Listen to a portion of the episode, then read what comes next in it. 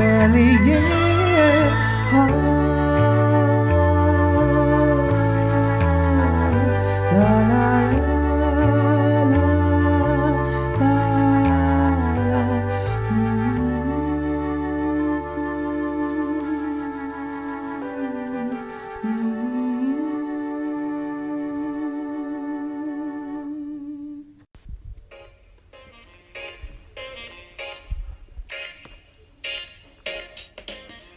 guys, welcome back to my podcast Balada Hotel Lia. Akhirnya kita bisa ketemu lagi di season baru yang akan mengusung konsep curhat nih dari para insan pariwisata. Nah, narasumber pertama gue di season 2 kali ini adalah sahabat baik gue. Gue tuh kenal dia tuh di kampus karena kita tuh satu angkatan tapi beda satu semester. Ah, kok beda satu semester? Karena di kampus gue tuh mengusung konsep setiap semesternya itu ada mahasiswanya. Jadi dari semester 1, 2, 3, sampai 8 itu tuh bakalan ada angkatannya nih. Nah, gue sama Dana tuh beda satu semester walaupun kita satu angkatan. Nah, Kenapa sih bisa beda satu semester? Itu karena di dunia hotel kita perlu ada yang training itu tuh full dalam satu tahun. Jadi ketika gue training dari Januari sampai Juni, nanti akan ada semester selanjutnya yang lanjut itu di bawahnya gue berarti Juli ke Desember. Kayak gitu. Jadi bukan berarti kenapa gue bisa masuk duluan karena gue pintar atau misalnya karena gue lebih jago gitu enggak juga sih Eh, lebih beruntung juga yang belt kali ya karena mereka itu ketika gue udah masuk dulu nih untuk kuliah mereka tuh belajar dulu bahasa mereka belajar bahasa di bahasa Inggris kemudian Mandarin Perancis kemudian Jepang. Dan ada beberapa bahasa lain tapi gue nggak yakin juga itu masuk kurikulum yang sekarang kali ya. Nah selanjutnya gue tuh ketemu sama Dana tuh di hotel nih. Karena di kampus gue nggak terlalu dekat. Kita beda semester gitu karena jadi nggak beda beda beda deh pokoknya dunianya. Kita cuma ketemu waktu itu di praktekan doang. Jadi gue mulai deketnya itu di di hotel. Karena kita sempat satu hotel di kemarin gue tuh di bagian operator sedangkan Dana itu waktu awal ada di bagian bellman atau di concierge. Nah dulu juga gue jarang banget nih satu shift sama dia jadi kita gue mulai sering bareng itu ketika gue udah pindah ke front desk. Ketika gue udah di front desk kita sering banget satu shift dan di situlah kita mulai dekat jadi sering main bareng bahkan sampai liburan bareng dan gue sekarang sampai tahu banget nih si Dana tuh orangnya tuh kayak gimana? Gue bisa bilang Dana tuh orangnya mandiri. Dia tuh orangnya tanggung jawab banget. Jadi ketika dikasih tugas satu dia pasti bakalan nyelesain tugas itu tanpa nge-handing over ke orang lain. Dia bakalan selesain itu semua walaupun ya sedikit lama ya. Tapi gue salut banget karena dia eh, langsung apa kerjanya tuh selesai gitu dan rapi. Gue suka karena kerjaannya tuh rapi. Jadi gue selalu menekankan ke Dana bahwa dia tuh orang yang adminnya tuh bagus nih. Agak sedikit ceroboh sih orangnya apalagi soal cinta. Nanti dia mungkin bakalan cerita nih sedikit demi sedikit tentang cinta tapi bukan di episode kali ini ya. Jadi yuk kita dengar perkenalan singkat dari teman gue satu ini. Stay tune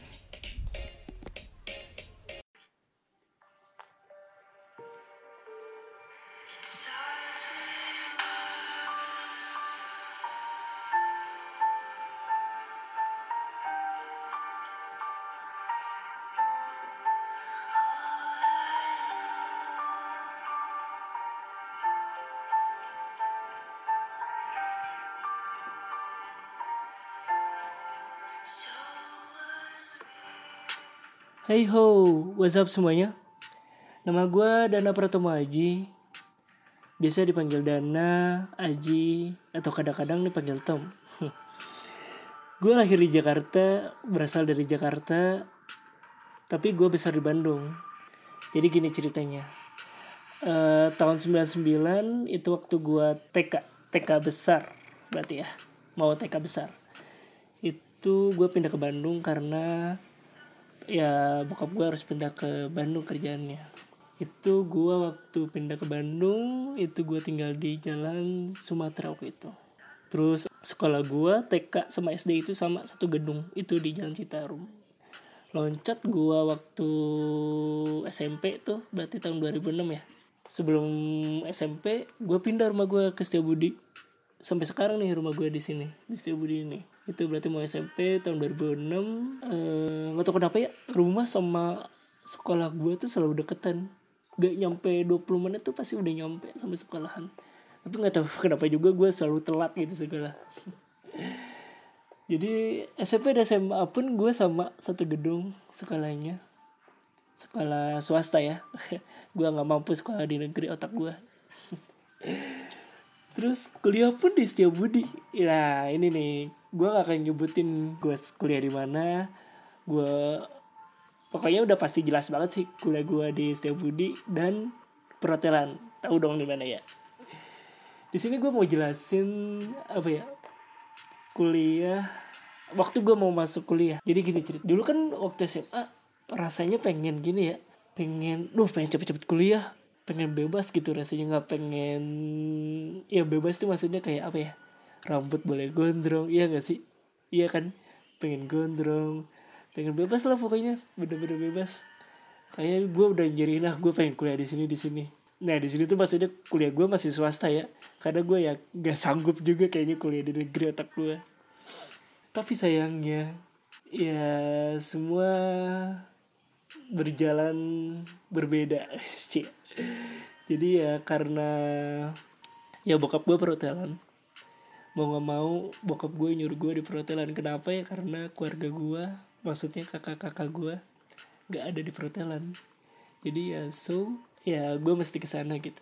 Ya udah sih gue waktu itu mikirnya ya daripada gue kuliah nggak tenang nanti dan susah nanti kuliahnya ya udahlah gue ngikutin bokap gue aja. Terus jadi waktu pas gue mau daftar nih kuliah ceritanya. Sama sekali gue nggak buka websitenya. Gue males-malesan waktu itu tuh ceritanya. Gue males-malesan kayak ya nggak niat lah sebenarnya tuh.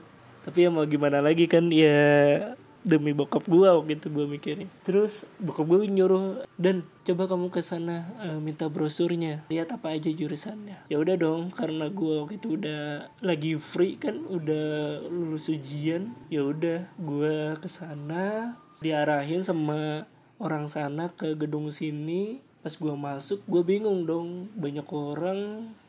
Tapi nggak ada bro nggak ada kertas buat brosur kayak gitu sama sekali nggak ada tiba-tiba dia nyamperin gue bisa dibantu. Nah di situ gue cuma bilang saya mau minta brosur mau lihat-lihat jurusannya apa aja.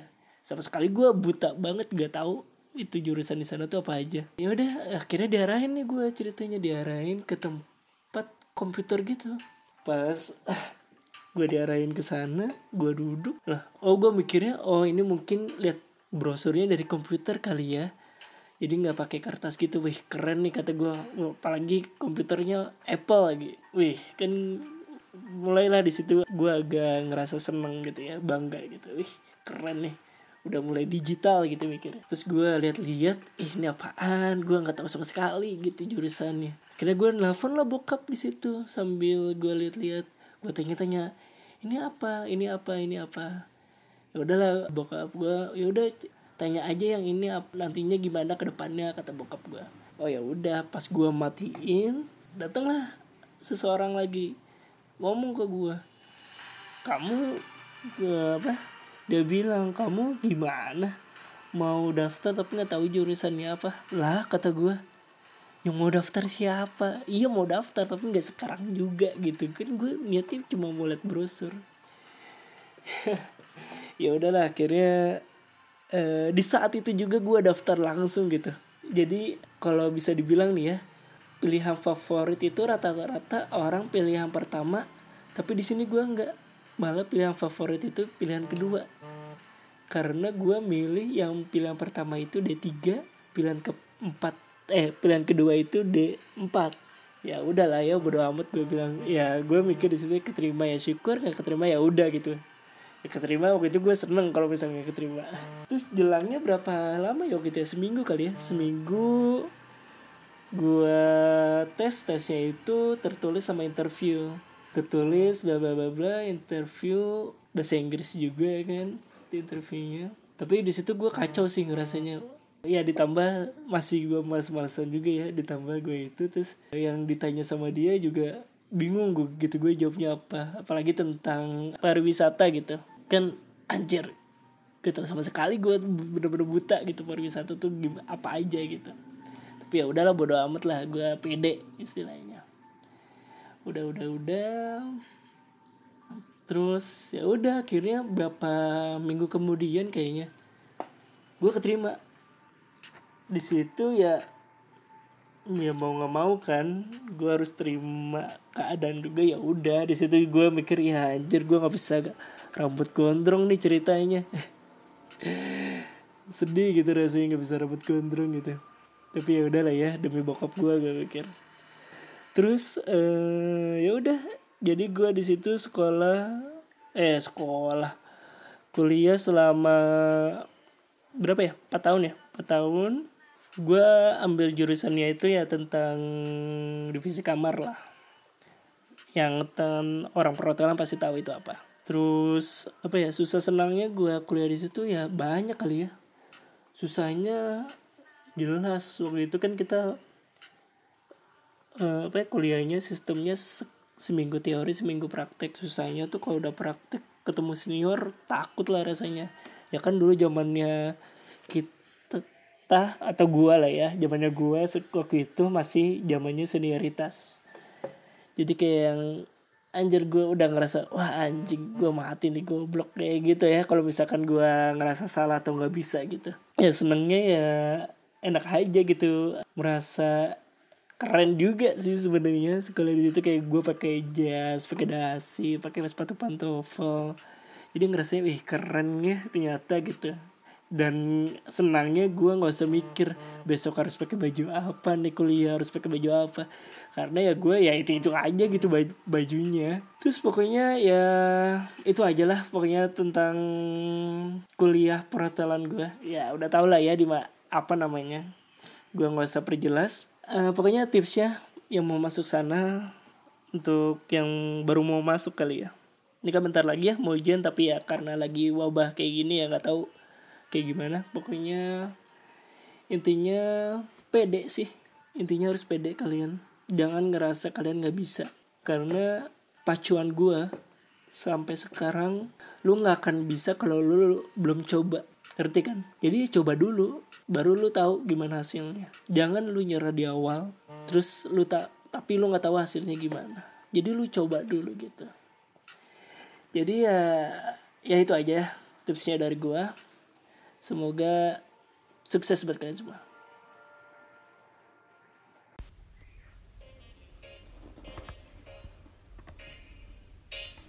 Oke gimana nih perkenalan dari Dana nih? Itu perkenalan singkat doang ya Biar kalian lebih mengenal dekat nih sama Dana. Jadi lebih tahu dia tuh dulunya di mana tinggalnya Kemudian dia tuh asli mana Dan kenapa dia bisa berkecimpung di dunia pariwisata ini. Selanjutnya dia bakalan cerita juga tentang serunya jadi PNS apa nih PNS bukan pegawai negeri sipil ya tapi dia adalah pegawai night shift nih yang sering masuk malam yang sering begadang yang jam tidurnya udah berantakan banget. Dia bakalan cerita tentang keluh kesahnya atau curhatan dia setiap dia masuk malam nih kayak gimana dulu gue sering banget nih masuk malam sama Dana karena kita beda section jadi bisa bareng nih. Dan sebelum gue jadi uh, supervisor front desk uh, gue yang ngajarin Dana nih buat jadi front desk tuh kayak gimana. Jadi seru-seruan aja gitu kita belajarnya sambil karena kita satu angkatan dan deket jadi gue seneng banget nih buat ngajarin nih orang nih. Kegoblokannya tuh aduh murni deh pokoknya. Pokoknya lo dengerin aja deh cerita-ceritanya dia. Stay tune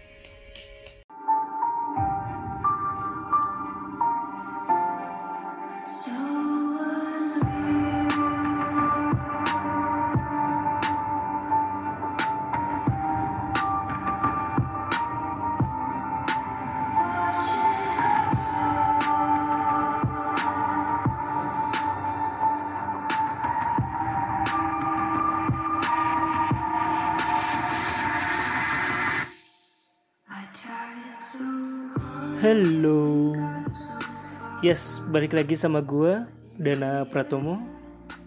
Oke, kemarin gue udah bahas tentang perjalanan pendidikan gue ya.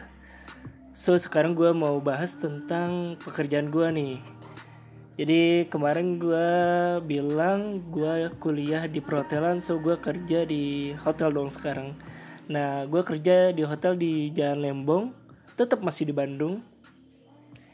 Gue mau bahas tentang eh, pekerjaan gue selama di dunia malam. Maksudnya di hotel itu dibagi per shift ya. Kebanyakan eh, hotel itu menerapkan tiga shift. Shift pagi, shift siang, dan shift malam.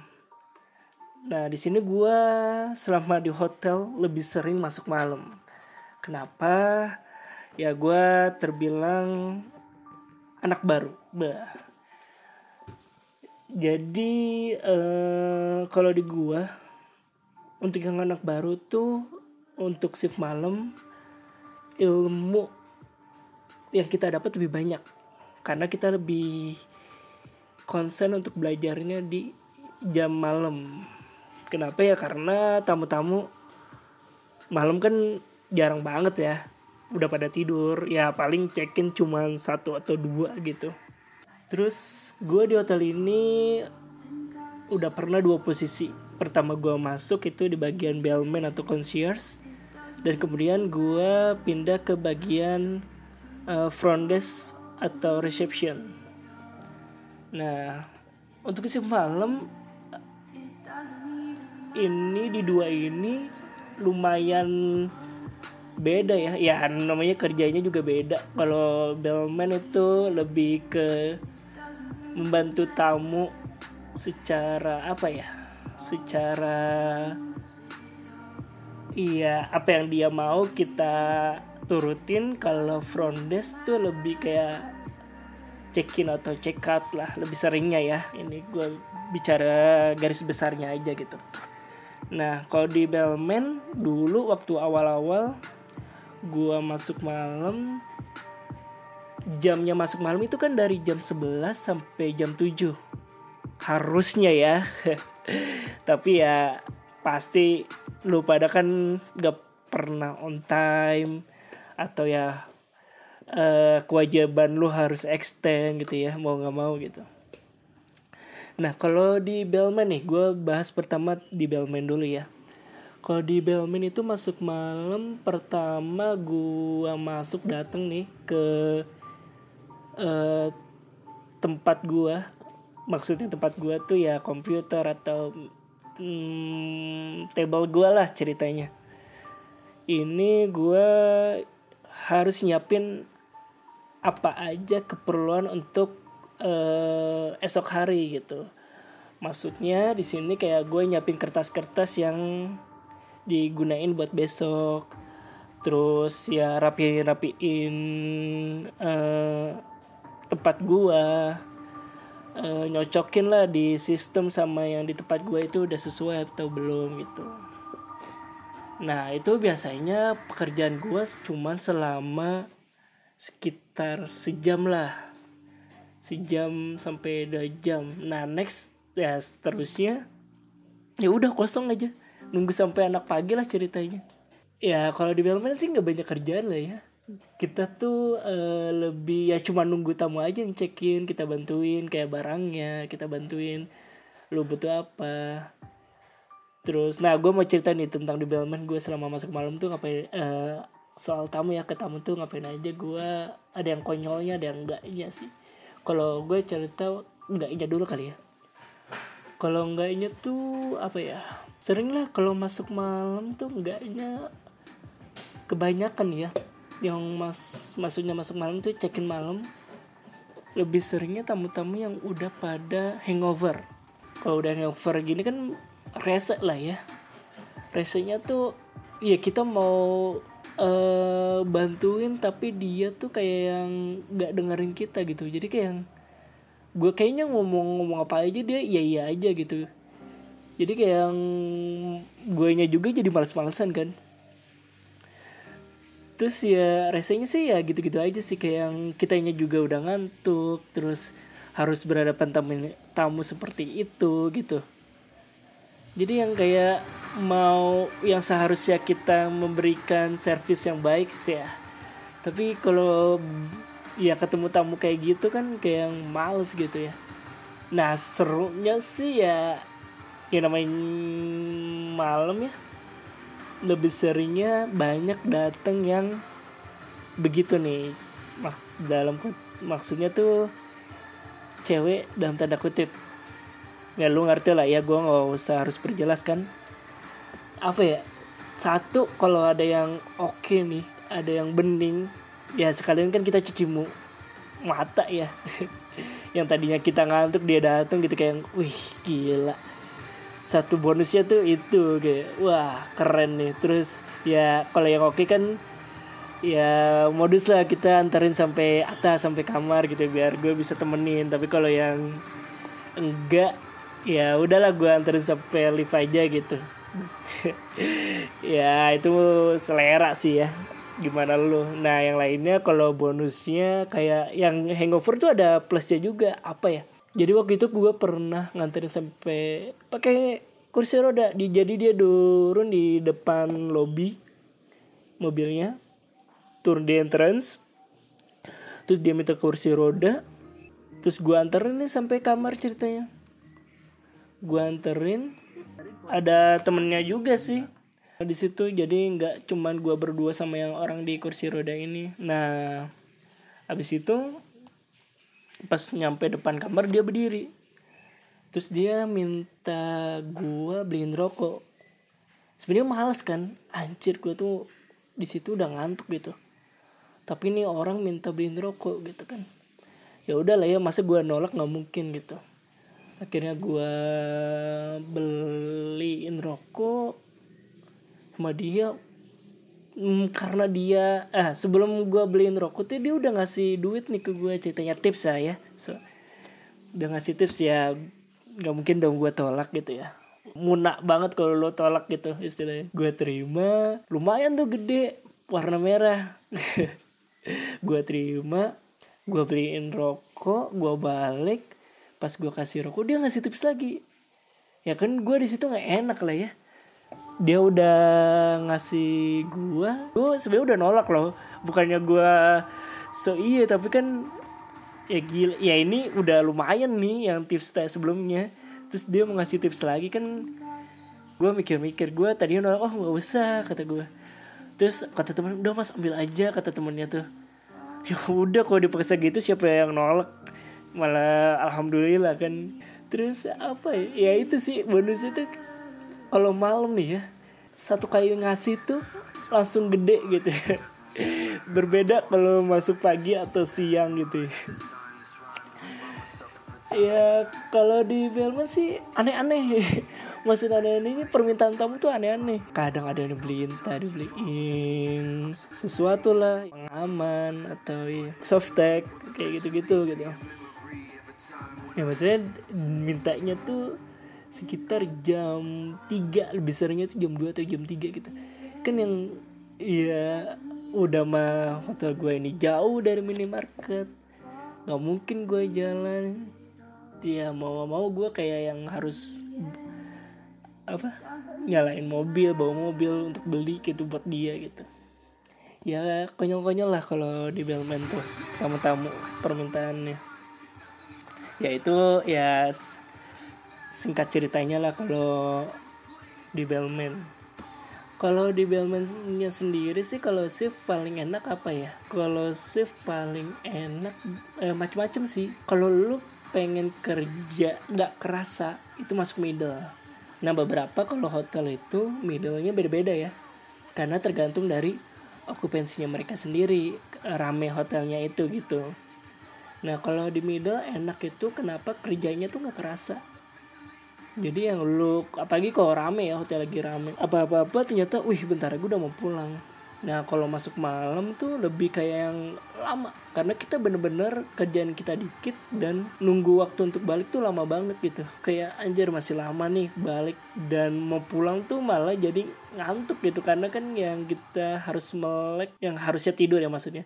Terus kita harus melek. Terus pas mau pulang tuh pas jam pas banget ngantuknya banget gitu Nah itu kes uh, siksanya masuk malam sih sebenarnya. Nah gue loncat sekarang gue di front desk. Di front desk gue awal-awal masuk malam juga. Ya karena belajar lah ya. Karena belajar di malam tuh bener-bener harus dimanfaatin banget karena ya kesempatan kita hanya belajar di night shift gitu untuk di front desk juga masuknya beda kita masuknya dia di jam 10 nah tapi harusnya pulangnya lebih cepat dari bellman tapi kebanyak gua sih sebenarnya kalau gua malah lebih lama pulangnya daripada bellman kenapa ya? Kalau masuk malam tuh untuk front desk apa ya? Ya namanya kita bener-bener harus ngebalancing uh, keseharian operasional hotel itu selama sehari ini.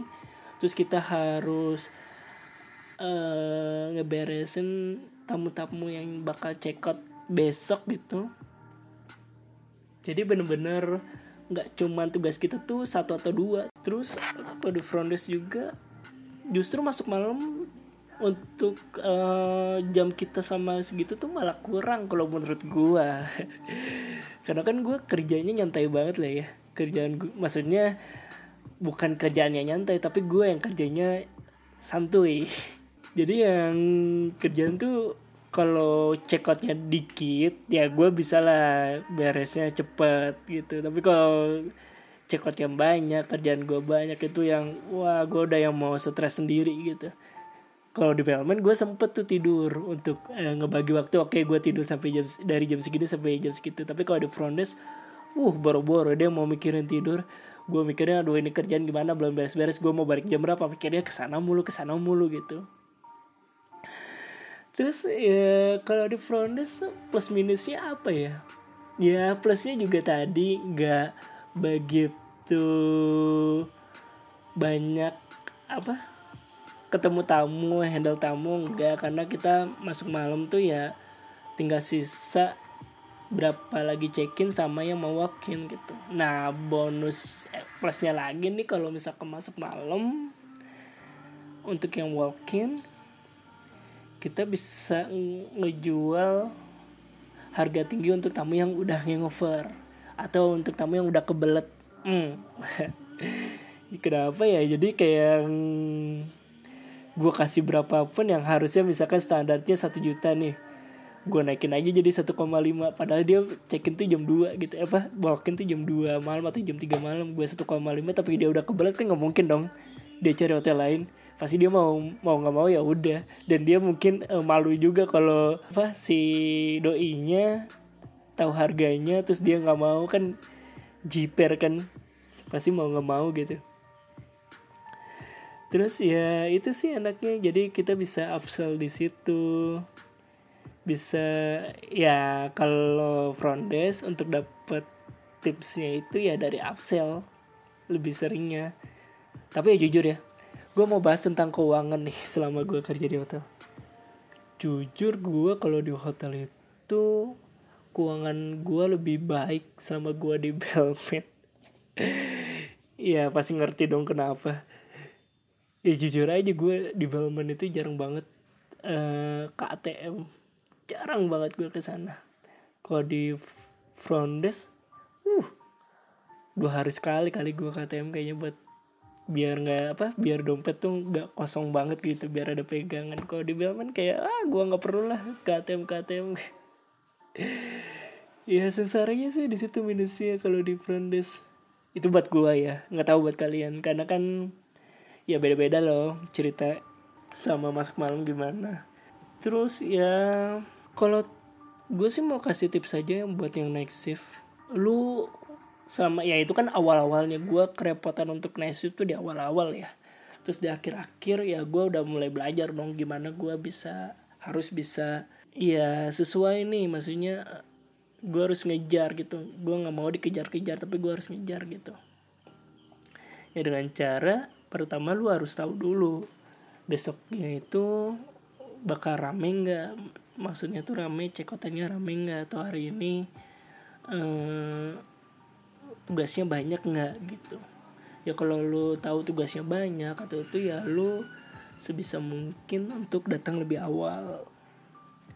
Untuk ya simpel-simpel dulu aja gitu. Yang berat-beratnya bisa akhir-akhiran gitu. Yang simpel-simpelnya lu kerjain lu beresin setidaknya lu agak tenang dikit gitu. Terus kalau untuk ini ya kalau di gua kan kerjaan gua tuh lima hari kerja dua hari libur. Jadi kalau masuk malam tuh nggak mungkin dong gua apa eh, nggak mungkin gue jumping kayak gitu. Pasti kebanyakan gua sebelum libur itu masuk malam.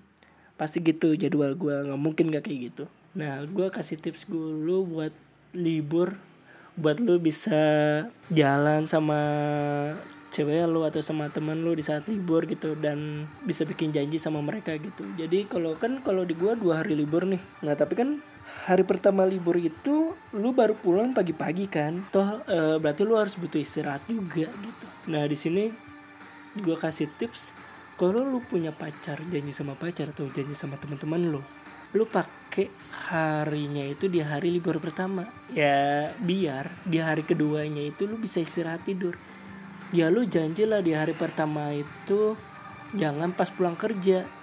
Tapi janjinya ya sore atau malam lah gitu. Tapi kalau lu janji sama pacar mau main dari pagi ya boleh hari kedua. Tapi jangan sampai malam banget. Nah kenapa gue saranin di hari pertama buat jalan sama temen janji sama temen? Karena ya itu di hari keduanya itu lu bisa istirahat gitu. Lu bisa tidur, bisa seharian di rumah Jadi ya kalau misalkan lu baru jalan-jalannya di hari kedua Pasti pulang dari main tuh nyampe rumah lu bakal mikir besok udah kerja lagi gitu. Apalagi kalau misalkan besoknya masuk langsung masuk pagi gitu. Kalau masuk malam lagi ya is okay lah ya. Tapi kalau misalkan masuk pagi kan anjir gua harus bangun pagi-pagi gitu nah itu biar gak ada kepikiran lu anjir besok harus kerja lagi. Jadi ya lebih baik lu jalan-jalan di hari pertama terus besoknya lu tidur. Jadi pas di abis main itu lu udah apa mikirnya ah besok masih libur gitu. Enaknya sih itu. Ya itu sih tips dari gua ya kalau mau janji sama temen di hari libur gitu. Jadi ya itu aja sih eh, untuk night shift di selama gua night shift kisah-kisah gua night shift ya gitu aja.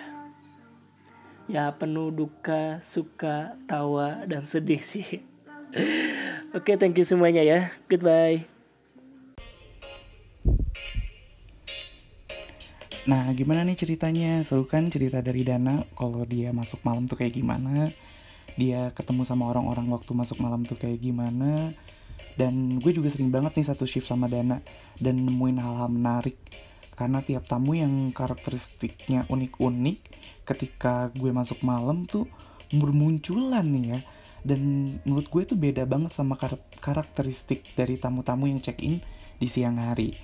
Dan gue juga pernah ketemu sama tamu yang mabok mungkin berantem datangnya pakai baju tertutup keluar malam-malamnya tuh pakai bajunya terbuka gitu kan. Yang aneh-aneh deh unik-unik gitu kan. Ketemu sama artis malam-malam jadi bisa selfie bisa bisa bisa minta tanda tangan. Dan yang paling kocak tuh kalau udah capek nih ya kayak aduh mumet banget kerjaan tuh males gitu. Mising-mising dikit lah kita sebat gitu bareng ninggalin duty manager in charge izin bentar gitu sambil break bareng. Terus eh, missing-missing juga mungkin pernah yang buat tidur kayak kalau ngantuk banget tapi seumur gue masuk malam kayaknya gue nggak pernah tidur deh. Gue selalunya nemuin dana nih. Tidur dia karena emang kalau misalnya masuk malam dan sepi istirahat tuh penting juga ya daripada nanti kita sakit gitu kan. Itu seperti tips and trick gitu kan. Jadi waktu break kalian ketika malam hari ya usahakanlah tidur dulu sebentar sekitar satu jam gitu kan. Atau mungkin bikin kopi gitu kan minta ke anak FB gitu kan biasa banget deh itu udah lu harus dekat banget sama anak FB sama anak kitchen. Jadi lu bisa dimasakin nanti. Misalnya lu pengen telur ceplok bisa kan minta ke anak kitchen gitu. Dan keseruan lainnya juga masih banyak.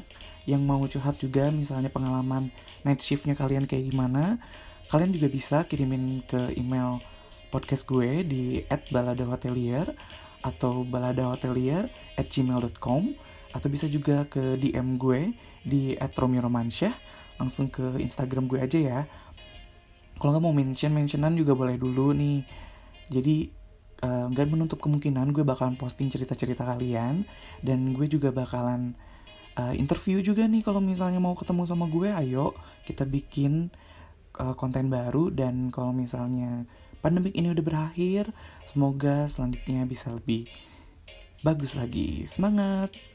Thank you untuk dengerin Balada Hotelier season 2.